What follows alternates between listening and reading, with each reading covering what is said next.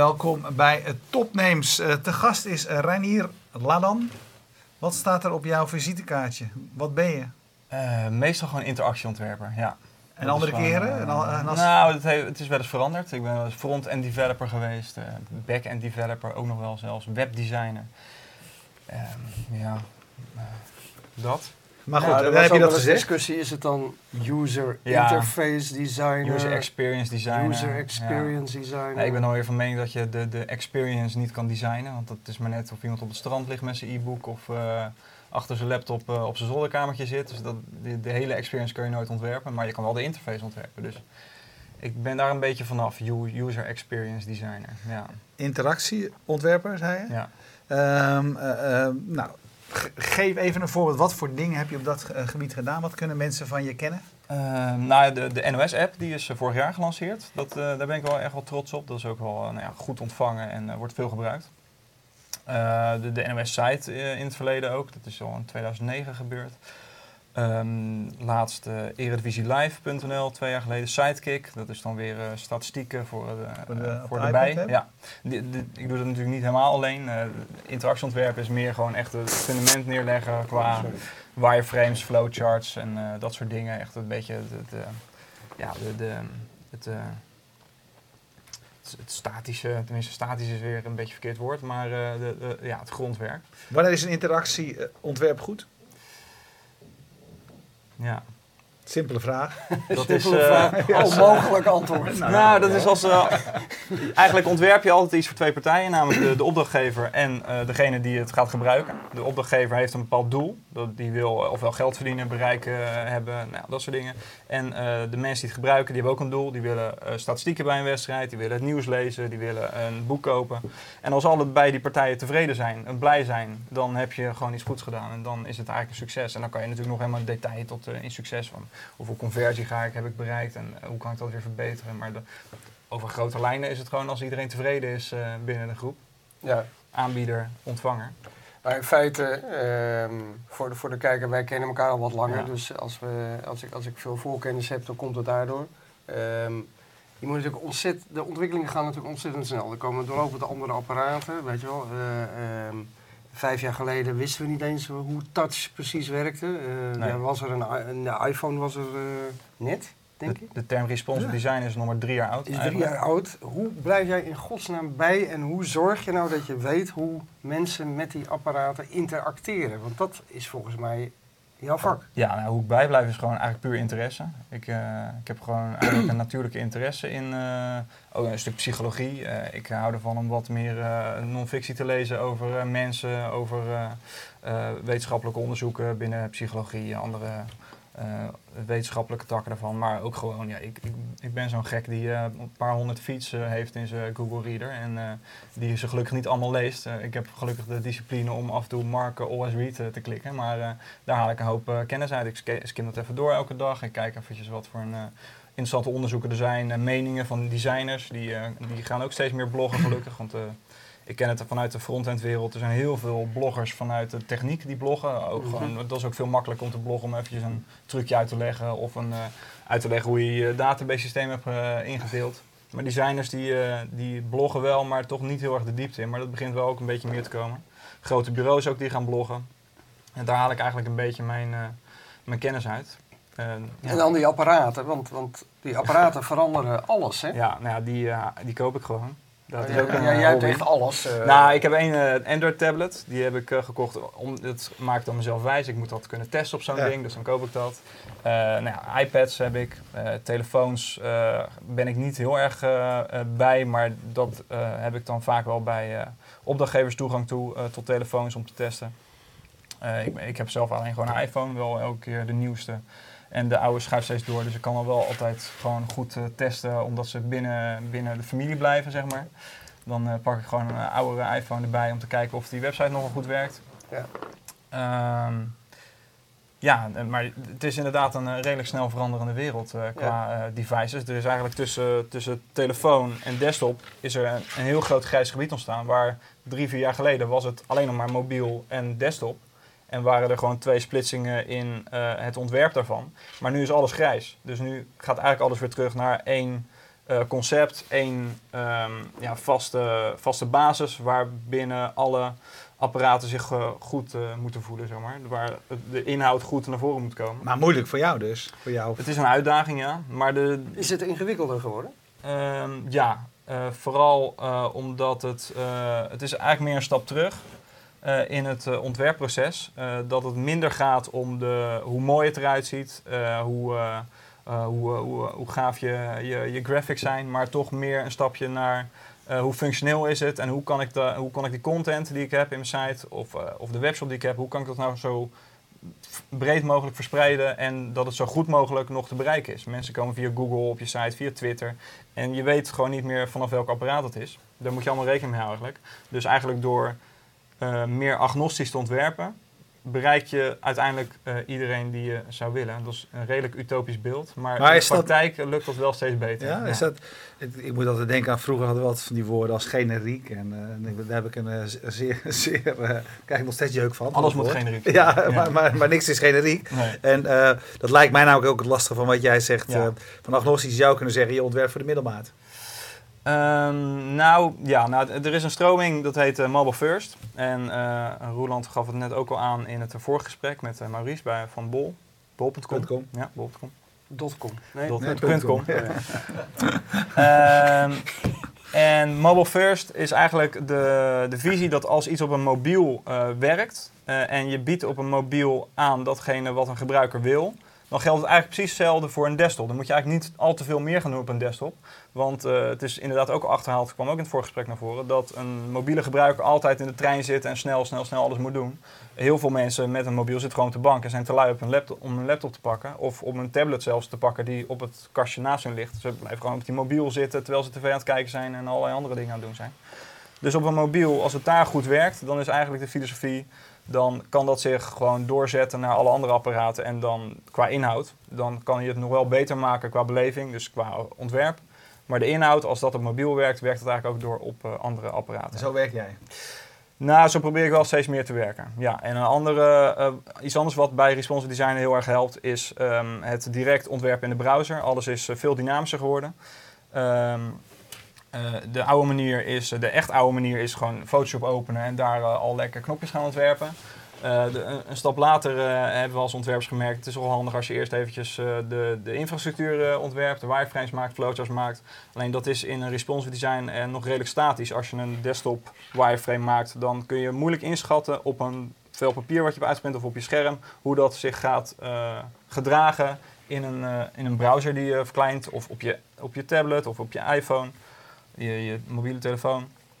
En wat dan heel erg enorm helpt, is het, om het te ontwerpen in de browser. Dus met HTML en CSS aan de slag, want er zijn gewoon heel weinig tools die uh, ja, WYSIWYG-achtig werken qua ontwerpen met HTML en CSS als basis. Dus eigenlijk moet je wel als ontwerper een beetje hands-on met HTML en CSS aan de slag om een ja, wat meer native, web-native uh, app uh, of een web-native Dus- uh, site te gaan Dus maken. eigenlijk wil je al in die, in die heel erge beginfase, wil Ja. je gewoon al kunnen voorzien en voelen hoe zich dat schaalt. Ja, op en dat hoeft nog niet op het eh, niveau eh, van eh, eh, cross-browser, eh, dat het op alle platformen werkt. Nee, eh, op WebKit is in principe nog voldoende. Als je het gewoon als prototype in WebKit eh, neer kan zetten, dan werkt het op een iPad, op een Android.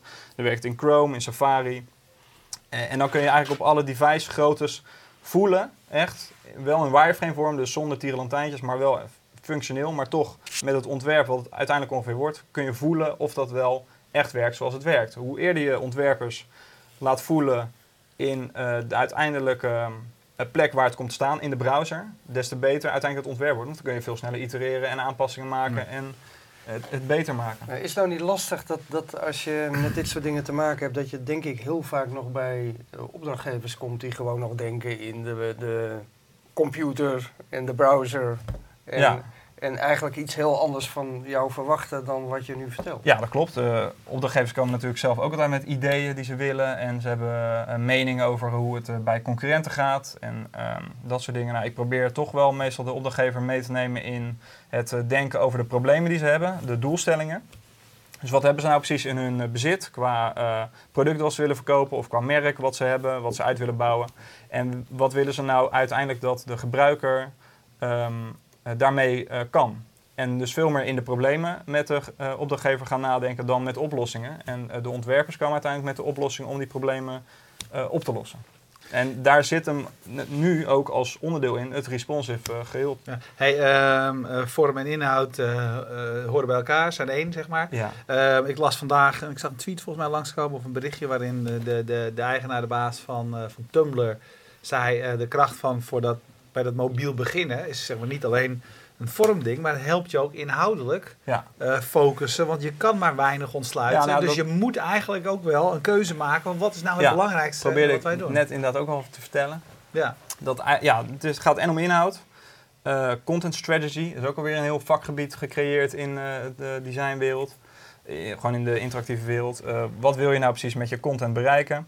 En als je daarmee op mobiel begint, dan heb je zo'n focus op datgene wat belangrijk is. Dat werkt door in je hele project, waardoor je eigenlijk blijft focussen op datgene wat belangrijk is. Dus Ja, maar ik hoorde is- jou laatst ook tablet first. ja, nou, eh, dat is omdat we met een project bezig zijn waar Ja. tablet zo'n groot onderdeel is van, eh, het hele, van de doelgroep en het gebruik. Ehm, daarom zijn we met dat project, want elk project is natuurlijk anders. We kunnen niet één blauwdruk geven voor elk project. Dat zou hetzelfde zijn als gewoon naar een architect gaan. Ik wil een huis eh, laten ontwerpen. En die Maar komt dat gaat, daar, dat gaat eigenlijk vanuit de redenering Ja. dat je allerlei verschillende schermgroottes hebt. Dus je Ja. hebt die kleine, en dan heb je midden en dan heb je groot. Ja, Dus als je nou maar in het midden begint, dat schaalt makkelijker naar twee kanten dan wanneer je met die kleinste begint. Nou, dit, me- meer een stapje terug. Eh, het is makkelijker vanuit de tablet, omdat je daar toch meer focus hebt dan op een computer. Om daar vanuit te beginnen dan vanuit de computer.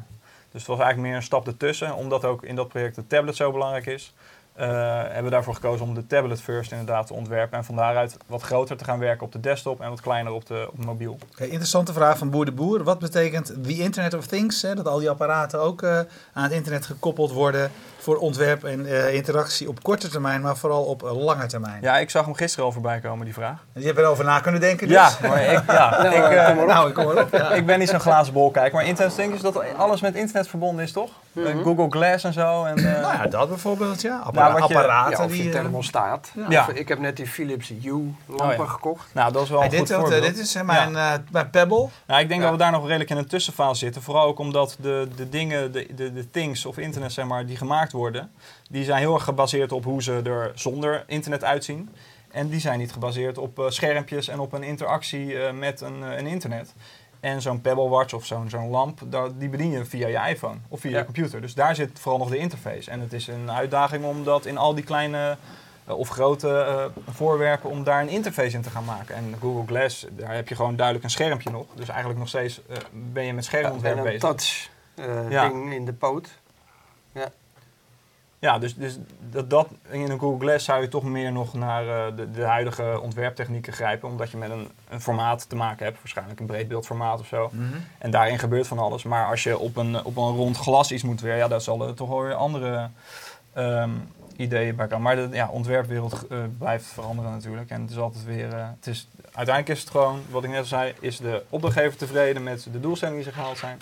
En is de klant tevreden, de, de, de gebruiker tevreden Ja, met dat ja oké, maar dat is één ding. Maar Ja, dat is niet waar jij het meest dat- trots op bent, ik toch? Dit is gewoon hier, dus dit betaalt de rekening. Dat is hartstikke leuk. Maar Ja. wat is voor jou de leukste klus? Waar zit voor jou de, de leukste uitdaging, de grootste Nou, kluif aan? Het leukste is als eh, de ontwerpers wat eh, vrijheid krijgen. Roland gaf aan, opdrachtgevers kunnen best wel eh, lastig zijn. toe. was hij lastig of niet? Nee, nee Roland, is, eh, Roland Nee? laat op zich redelijk iedereen wel vrij. En eh, met een goed duidelijk overzicht wel. Dus dat is wel, wel fijn. wel veren. Ja, En, ik eh, wel eens anders. Maar. Maar je had het Oh, over, ja? maar je had het over trots. Nee, Waar maar zit wat, de wat, trots in? wat, wat, wat Erwin volgens mij bedoelt en wat ik ook interessant vind. Als je nou niet voor een opdrachtgever werkt Ja. en jij doet ontzettend veel eigen projectjes. Nou ja, dat is meer een beetje Kleine dingetjes, een beetje spelen. Maar Ja. de- wat, wat, waar word jij nou heel blij van? Van wat voor dingen die Ja, je voor dan- jezelf doet? Eh, dan word ik weer blij omdat ik dan eh, even niet in mijn dagelijkse ontwerpwerk zit. Dan word ik weer blij van met, met techniek aan de slag gaan. Met, met frontend, met backend. Dan zit ik gewoon leuk een database op te zetten of een, eh, een server in elkaar te knutselen. En, Ja, maar dat, is, dat een van de dingen die mij opvalt. Is dat jij op buitengewoon inefficiënte wijze, volgens mij elke week, een website lanceert. een app, Een blog, Een eh, blog. opgestart, ja. een podcast. En ja, maar dat is een beetje en, het en ik eh, denk dat ik de afgelopen jaren een stuk of eh, 50, 60 van dat soort Ja? dingetjes heb. Nou, die een komen podcast en opgestart, die gaan die, weer. draait al anderhalf jaar, dus dat gaat op zich... eh, Appels en peren, hè? Voor appels appels en en peren, voor om, de, de om de twee weken, Ja. ja. vertel eens, wat is dat? Eh, nou, we- we- om de twee weken zit ik met uh, Wietse Hagen op de Skype. En dan eh, hebben we gewoon een telefoongesprek. En dat nemen we op. En dat, eh, dat is onze podcast. En dat gaat over... eh, ja, nou ja, is dat wat wij ook doen. Eigenlijk, maar dan eh, met radio in plaats van televisie. Ja. ja. Maar dat, dat gaat over eh, vooral Apple. Want we zijn allebei nogal Apple-gek. Fans, dat is, heeft zo'n eh, nare term gekregen een beetje de laatste tijd. Apple- Apple-fans, dat zijn toch een beetje eh, gekkies of zo. Maar goed, we, ik blijf redelijk nuchter nog wel. Vooral Wietse blijft wel nuchter over Apple. En eh, alle andere dingen die eromheen zitten. De Android, Amazon, Facebook hebben we het vaak over. Over zelfrijdende auto's vinden we ook leuk om daarover te filosoferen. Eh, eigenlijk gaat het vooral, eigenlijk zijn we een soort kijk van eh, de radio. Oké. Jeroen van Wissen. In browser prototypen werkt goed als je alleen aan een project werkt. Hoe werk jij in een projectteam met die methode, Reinier? Nou, eh, in de projecten waar ik meestal in werk is er één interactieontwerp, dus dat gaat goed. maar als je, met, ja, maar als je, als je meerdere hebt, dan wordt het inderdaad lastig. Want al die andere interactieontwerpers moeten ook wel eh, in HTML, CSS kunnen werken. Dus dat is nog een uitdaging die eh, redelijk overwonnen moet worden de komende tijd. Want ik ben er wel van overtuigd dat als je binnen het medium ontwerpt, dus niet in een scherm in Photoshop of in wireframes in OmniGraffle, maar echt binnen het medium waar het En uiteindelijk wat je bedoelt is wel, je moet gewoon gelijk kunnen klikken en gelijk Ja, je moet het schalen voelen. Je en- moet het, hoe ja. dichter bij het, eind, on- bij het eindmedium het zit, des te beter kun je eh, schakelen en itereren op datgene wat je voor je hebt. Het geldt eigenlijk voor alles. Hè? Wat, wat, je daar, Ja. altijd- wat je daar altijd ziet is namelijk, ik heb het zelf ook vaak gedaan, dan heb je allerlei schetsen gezien, heb je drie keer naar gekeken, ook goed nagekeken voor je beleving. En, je Ja. zit, en, en uiteindelijk is het gebouwd. Het is, het is clickable, zeg maar, geworden. En binnen twee minuten zie je alle, voel en zie je allerlei dingen. Dan heb je ineens van ja, dat is logisch dat het niet werkt, maar dat Ja, weet je pas als je het ziet. eh, ja. Als je het echt ziet. Hey, wat voor ehm, opleiding heb jij gevolgd? Eh, ik heb eh, na wat omwegen heb ik een deeltijdopleiding gedaan, communicatie multimedia design. Daar heb ik mijn bachelor, moet ik even goed nadenken, dat was interaction en visual interface design heb ik gehaald. Eh, dat was aan de Hogeschool Rotterdam. En met een propeduize eh, het eerste jaar bij de Willem de Koning Academie. Dus ook nog een beetje wat meegekregen van de kunstacademie. Maar daar werken ze toch veel meer vanuit hun eigen zelfexpressie. Dus wat vind jij nou zo mooi? Eh, Echt eh, kunst. En eigenlijk is interactieontwerp gewoon, praktisch interactieontwerp is gewoon de tegenovergestelde kant. Dus meer goed luisteren naar opdrachtgever, goed luisteren naar wat de gebruiker wil en daar tussenin gaan zitten. En jezelf, niet, niet te veel van jezelf erin leggen. Is het niet lastig voor, voor eh, onderwijs? Zeg maar, dit is zo'n een, toch zo'n eh, snel veranderende eh, wereld. Eh, zo- zo- voor onderwijsinstellingen om daar eigenlijk op die praktijk aan te sluiten. Ja, ik merkte het ook wel in mijn eigen klas. De meeste van mijn medestudenten die hadden zelf redelijk autodidactisch alles opgepikt al. En wisten af en toe meer dan de leraren. Al zijn er natuurlijk altijd weer dingen waar leraren sterk in zijn. Namelijk het begeleiden, het, het, eh, het met onderzoeken. Van hoe kom je nou uiteindelijk eh, bij je leerstof. En eh, eh, heel veel eh, gewoon eh, oude waarden vanuit de oude designwereld. Of vanuit eh, industrieel ontwerp. Of nou ja, eh, noem maar op. De, ze hebben natuurlijk hartstikke veel... eh, eh, kennis daarover. Maar je ziet wel dat de tegenwoordig leerlingen af en toe in sommige niches gewoon meer weten dan de leraar. Dus daar zit wel een. Ja, ik, ik, ik zou niet echt weten hoe je dat nou moet oplossen. Maar dat is wel iets wat gewoon ja, er is. Maar is, daarom, de vraag is ook een beetje, is die, is die school steeds minder eh, nodig? Kan je, als je nu naar Treehouse gaat en waar je allerlei cursussen kan volgen, of nou, er, zijn steeds, er komen steeds meer plekken waar je steeds meer dingen kan leren. Je hebt natuurlijk nog altijd wel opleidingen. Ik, ik heb, ben zelf die opleiding gaan doen omdat het eh, eigenlijk vrij eh, stom. Ik moest eh, af en toe wel eens formuliertjes invullen. Je moet wel eens je naam eh, en adresgegevens invullen. En dan moest je een hooggesnode opleiding. Moest ik nog altijd HAVO invullen. Want ik had nog geen, geen HBO-opleiding gedaan. En dat ging toch wel een beetje wringen. En ik wilde vanuit programmeren weer terug naar ontwerpen wel. Want dat deed ik altijd nog wel als hobby. Ik wissel van programmeren naar ontwerpen steeds van hobby naar vak. En toen ben ik dus die deeltijdopleiding gaan doen. Maar en wel met de kennis van ja, ik wil dat papier uiteindelijk halen. Maar ik kwam er tijdens de opleiding toch wel achter dat het best wel waardevol is om gewoon mentoren te hebben die je helpen met je zoektocht naar wat wil je uiteindelijk nou bereiken met ontwerpen. En we hebben ook gewoon eh, aanverwante ehm, eh, lessen gehad over mediatheorie, Marshall McLuhan en Medium a Meshes. Dat vond ik hartstikke interessant. Eh, marketing, waarom, hè, waarom moet je iets aan de man brengen? En hoe doe je dat? En hoe, hoe belangrijk is dat? Want als je een, een hele mooie site ontwerpt, dan heb je er niks aan als niemand ervan weet. Dus marketing is ook gewoon belangrijk. Dus dat soort dingen, dat leer je nog wel steeds op een, uh, gewoon een, een, een, traditionele HBO-instelling. En dat leer je denk ik niet met een losse cursus interactieontwerpen. Mm Dan heb je dat veel minder. Dus die, al die aanverwante zaken, die hebben zoveel invloed ook op hoe je als interactieontwerper uiteindelijk functioneert uh, in de praktijk. Ook altijd een hot issue in die design ehm, trajecten is uh, onderzoek, hè? usability onderzoek. Ehm, sommige mensen die zeggen, ja, je moet alles eerst testen en testen, testen, testen. Er zijn ook uh, stromingen die zeggen van, nou, weet je, dan moet je ook weer niet te veel doen. Je moet ook op je eigen intuïtie durven varen. En uh, je krijgt ook niet altijd uit de usability testen de, de dingen die je per definitie zou moeten volgen. Hoe, hoe sta jij in die discussie? Ja, ik sta er een beetje tussenin, denk ik. Uh, wat ik uh, ook niet goed vind, is inderdaad gewoon te ver doortesten. Dan krijg je echt een. Uh, dan, dan, ik heb al het idee dat je dan rijdt iedereen ineens in een Lada en dan is ja, al het gebouw, elk gebouw hetzelfde. Als je iets maakt waar mensen niet aan gewend zijn, ja. dan per definitie test dat slecht. Ja, nou, ja. dat is het oude voorbeeld van Henry Ford heeft ooit gezegd van ja, als ik de mensen had gevraagd uh, toen ze nog allemaal in koetsen reden van, joh, hoe, uh, kunnen we die koers nou verbeteren? Nou, snellere paarden ervoor zetten of meer paarden, dan, dan is het beter. Dan hadden we nooit op de auto gekomen, de, die Henry Ford uiteindelijk heeft gemaakt.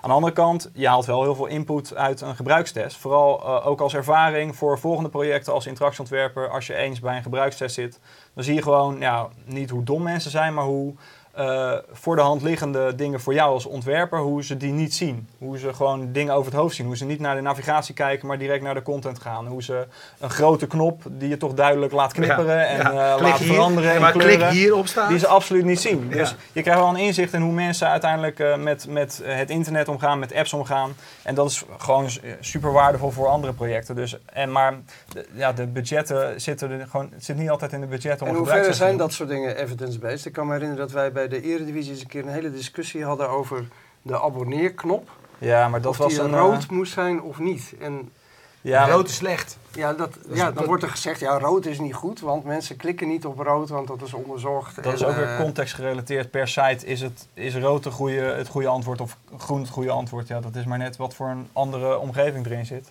En voor mij was dat in dezelfde uh, sessie dat we een scherm zagen met een heatmap. Maar die heatmap was gegenereerd door een computer. Dat was ook een soort van onderzoek. Alleen die gaf gewoon precies een soort contrastwaarde weer. En waar dan mensen naar zouden kijken. Terwijl dat was, uh, vond ik grote onzin. Omdat de hele navigatie en de zijkant was contrastrijk. Dus daar zouden mensen dan het meest naar hebben gekeken. En naar de inhoud zou niemand hebben gekeken. Terwijl als je een onderzoek doet, dan zie je gewoon dat mensen gelijk naar de, in, de inhoud kijken. Naar die foto, naar de koptekst. En dat is wel een trend hè, die je steeds meer ziet. Dat die navigaties lastig zijn. En de... Ja, terwijl dat ja. is eigenlijk, uh, er wordt te veel aandacht aan besteed uh, vaak. De, de power users gebruiken absoluut navigatie. De mensen die elke dag op een site komen of die gewoon de site uh, kennen en elke week naar die site komen. Maar eerste, uh, eerste contact met de site is altijd, gaat altijd naar de inhoud. En ook de mensen die maar ja, minder vaak terugkomen, die kijken ook gewoon naar de inhoud. En die navigeren vanuit de inhoud verder. En dan zijn ze gewoon weer klaar en dan gaan ze weer naar YouTube of naar Google. Of, wat kan jij, zeg maar, jou, ehm, de partij waar je voor jou, jij werkt, daarover leren? Want als die inhoud zo belangrijk is, wat kunnen zij beter doen? Um, Moeten zij ook anders naar beeld gaan kijken dan ze misschien gedaan hebben in een andere omgeving? Nou, er wordt misschien ook in een, in een traject van ontwerpen, uh, voordat de site uh, gelanceerd wordt, wordt er best wel door een opdrachtgever best wel veel aandacht besteed aan hoe het eruit ziet. En hoe uh, het gevoel is van een site. En hoe, um, ja, hoe het op hun overkomt. En ze zien vaak dingen waarvan ze denken van ja, dat, dat gevoel is daar niet goed. Terwijl de inhoud is uiteindelijk nog altijd het meest belangrijke. Dat zie je aan de populaire sites die we in Nederland hebben.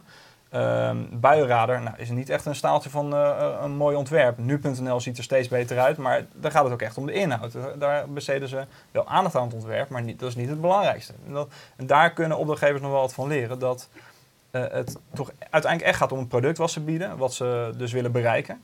Uh, en um, daar moet uiteindelijk de meeste aandacht naartoe gaan.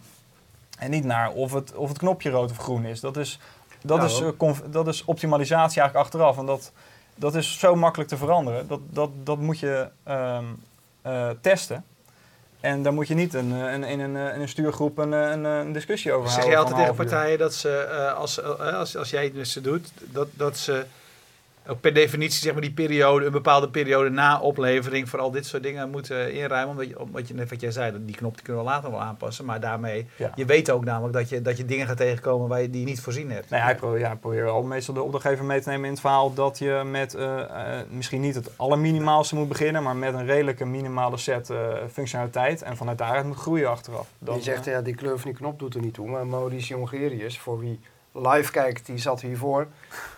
Die heeft het nu over de gele knop, uitroepteken, binnen e-commerce. nou ja, ik, ik zeg niet dat hij is niet dat? doet, maar ik zeg knop? dat hij makkelijk te veranderen is. Is daar, is daar iets mee? Met de- Nou, waarschijnlijk zal uit knop? onderzoek blijken dat dan een gele knop het beste werkt, maar dat is ook Ja? maar net in welke site. eh, Hij zit daar nog achter de camera, Ja. dus voor Maurice, jij, ken- je kent, dit is een model van zo'n één pagina site waar je cursussen, hele dure cursussen verkoopt. Waar je eh, om, eh, ook een hele schreeuwende dingen elke eh, 10 centimeter zegt dat je het nu moet kopen. Om, denk jij dat het, zou dat ook echt op cijfers gebaseerd zijn dat dat werkt? Maar dat weet ik niet, maar eh, eh, Oh, we gaan nu in... Amazon heeft wel eens onderzocht wat de beste kleur is voor de in winkelwagenknop en daar is eh, geel uitgekomen. Oké, hij zegt dat Amazon wel eens onderzocht Ja. heeft dat de, de in-winkelwagenknop eh het beste geel kan zijn. Nou, dat zal waarschijnlijk ook met de betrouwbaarheid van die kleur binnen het merk Amazon te Ja. maken hebben, want dat Ja. heeft ook met geel te maken. Dat is allemaal, dan moet je je mond weer houden, want je zit achter, je zit achter de camera. Ja. Maar bijvoorbeeld, je zou, een, je zou eh, om je nieuwsbrief eh, wat beter op de kaart te zetten, zou je een AB-test kunnen doen. Dat je eh, je website laat zien met de nieuwsbrief in de footer. En je, je B-test is dan je, je website met eh, groot in een eh, pop-up, je, een meld je nu aan voor je nieuwsbrief. Dan krijg je gegarandeerd waarschijnlijk meer nieuwsbrief inschrijven. Maar dat zegt niks over of je website daarvan beter wordt. En of je meer conversie haalt uiteindelijk uit, eh, uit, je, uit je bezoekers. Of dat Want je ook niet een ander, een veel deel van je groep irriteert inderdaad. Precies, dus je moet altijd best wel genuanceerd met AB-testen omgaan. En ook met gebruikstesten moet je genuanceerd omgaan. Want dat is altijd een redelijk opgezette omgeving waar mensen taken moeten uitvoeren. Die ze misschien op de bank helemaal niet uitvoeren. En dat is ja, misschien een bekend verhaal, maar in de jaren 80 eh, had je een test tussen Pepsi en cola, of Coca-Cola. En dan kwam Pepsi al het beste naar voren uit. Maar wat bleek nou toen ze een hele marketingcampagne hadden gestart, Pepsi, van wij komen het beste uit de test. Het kwam dat mensen steeds maar één slokje kregen in een test. En toen, als je een slokje neemt van Pepsi en een slokje van cola, dan, dan is Pepsi het lekkerst. Terwijl als je dat thuis in de koelkast zet en je drinkt een heel glas van eh, cola, dan is dat veel lekkerder dan Pepsi, want dan is een heel glas weer te zoet. Dus het is ook maar net de context waarin je een test natuurlijk doet. Maar het is wel waardevol gebruikstest om Ja, alleen maar te zien. Je zei net tussen twee eh, zinnen door dat je een Apple... Een, Gek. Gek. Niet fan mocht ik niet zeggen, want dat klinkt niet goed. Heel fans zijn gek, zei Wat- hij toen. Oh, Kun je dat als... Ja, Ik, ik wil weten waarom en ik vraag me af of je dat niet ook biased. Want, de, eh, heel veel eh, producten die jij maakt worden nog steeds in meerderheid door mensen bekeken op Windows laptops. Nou, dat zal je verbazen. Voor mij, eh, de statistieken die gaan... nou, oké, Windows is inderdaad een, een verhaal, maar Internet Explorer is wel aan het dalen. Chrome was voor mij bij een, een grote site die ik ken, was groter dan Internet Explorer, nu al. Maar eh, ja, ik heb verder vrij weinig tegen Microsoft of tegen eh, Android in het eh, algemeen. Al zie ik wel problemen met ontwerp voor Android, want dat is, je kiest voor, wil je drie baby's in de gaten houden. en waarvan er nog twee en tweeling zijn. Dus die een beetje hetzelfde, hetzelfde karakter hebben. Of wil je honderd baby's in de gaten houden? Nou, dan De eerste is Apple, tweede Ja, is Android. tweede is Android. Ja. Dat is een lastig verhaal ook qua budgetten om dat eh, recht te trekken. Vooral ook omdat mensen op eh, Android, die geven minder geld uit en, eh, dan de Apple mensen. Maar je vroeg ook, hoe komt het dat ik Apple, zo Apple-minded ben? Nou, dat vind ik wel interessant ook, waarom je, waarom je dat bent. Ja, nou, het is gewoon gegroeid. Ik, in in eh, 1997 volgens mij al, toen hadden wij thuis een, een Apple computer. Mijn vader die, die maakte bedrijfsreportages toen. En eh, nou, als fotograaf had je een als een beetje fotograaf had je een Apple computer nodig. Dus toen kreeg ik een Apple computer thuis. En eh, er was een Mac Performa 5200. Dat was eigenlijk een iMac. Want dat was Ja. gewoon een, een, alles in één computer zonder kast erbij. Met een CD, eh CD-ROM drive. 850 eh, megabyte eh, geheugen zat erin. 4 MB RAM volgens hij mij. weet het nog precies. En daar heb ik mijn eerste stappen gezet met Photoshop, met Macromedia Director had je toen. Dat was een interactief programma wat later een soort flash is. Even wat naast elkaar bestaan, maar het was een soort flash-achtig iets. Waar je CD's, eh, CD-interfaces kon maken en zo. Daar heb ik ook een beetje mee eh, geprogrammeerd. En ik ben wel overgestapt weer naar computers, omdat ik gewoon spelletjes wilde spelen met vriendjes en tegen elkaar. Ehm, Star, Starcraft heet dat volgens mij. Daar kon je over internet toen al tegen elkaar spelletjes spelen. Eh, dus toen ben ik even overgestapt naar, ehm, PC. naar de PC. En toen zei mijn vader, toen ging ik naar ehm, toen de, ging ik een grafische opleiding doen. Dat was een van de eerste interactieve grafische opleidingen op HBO-niveau. Dat heette grafische mediatechnologie. Heb ik laat, ben ik later mee gestopt omdat het eigenlijk te technisch was. Dat was een onderdeel van de informatica-opleiding. En dan moest je ook netwerken aan elkaar knopen. En uh, bestuurssystemen installeren, daar had ik toen helemaal geen zin in. Maar die zei al van, nee, je gaat... Uh, we dwalen wel heel erg af. Volgens mij ja. gingen we het over Apple hebben. Ja, nou, en, en uh, nou, die zei nog van, je gaat naar, naar het grafisch als onderdeel. Nou, daar, daar hebben ze allemaal Mac staan. Daar kom je wel vast wel weer terug op, op Apple. En toen heb ik van mijn eerste spaargeld, heb ik allemaal bij elkaar, heb ik een iMac... een iMac gekocht. Zo'n zo'n mooie graf, grafiete iMac waar je in kon kijken en zo. Nou, toen was ik weer helemaal om en eigenlijk ben ik niet meer teruggegaan. Ik heb wel bij opdrachtgevers verplicht op een Windows computer moeten werken af en toe. En dan nam ik af en toe toch zo mijn laptop mee. En, uh, ja. ja. Maar goed, wat, heb jij, wat, wat leer jij of wat heb jij geleerd van uh, die Apple als het, uh, en, en, en Apple producten als het over die interactieontwerp gaat? Nou bij Apple ontwerpen ze echt vanuit uh, een ontwerpfilosofie. Dat is, heeft niet elk bedrijf. Sommige bedrijven werken meer vanuit een technisch perspectief of uh, vanuit een marketingperspectief. Maar Apple heeft een hele afdeling waar Jonathan Ive dan hoofd van is en was. En daar werken ze echt gewoon afgesloten aan allerlei ontwerpen. En daar, het budget speelt er bijna ook geen rol, heb ik begrepen uit een boek. En daar, ja, daar komt alle, alle producten ontstaan vanuit een ontwerpdiscipline. En dan pas gaan ze kijken, kunnen we al die RAM er wel in proppen en uh, past die floppy drive er nog wel in en kunnen we dat niet, misschien niet beter schrappen.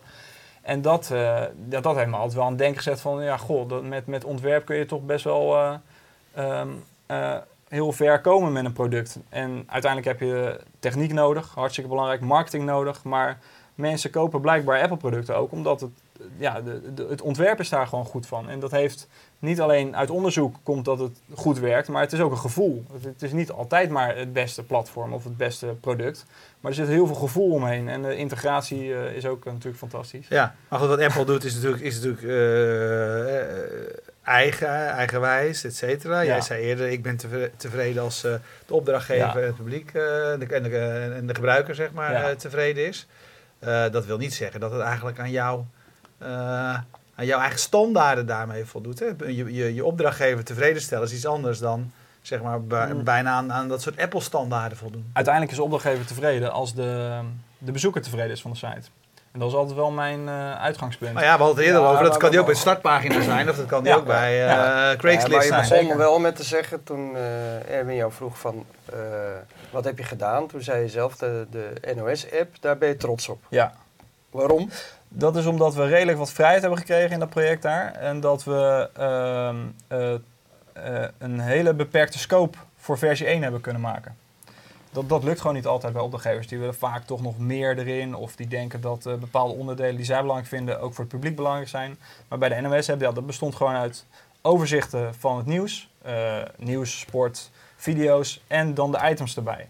En binnen die paar schermen hebben we best wel uh, de diepte in kunnen gaan in details. En ook heel veel details weg kunnen laten. Want het ziet er altijd heel simpel uit. Maar dat is net met Messi die voetbalt. Dat ziet er ook hartstikke simpel uit. Maar die heeft toch aardig wat uh, uh, oefening achter de Over achter de Messi kiezen. gesproken. Ik zag dat het het laatste, ja. maar heb ik nu niet meer gevolgd. Ze stonden 1-0 achter Barcelona. Maar dat zal vast wel... Twee, ik zie 2-0. 2-0 al, ja.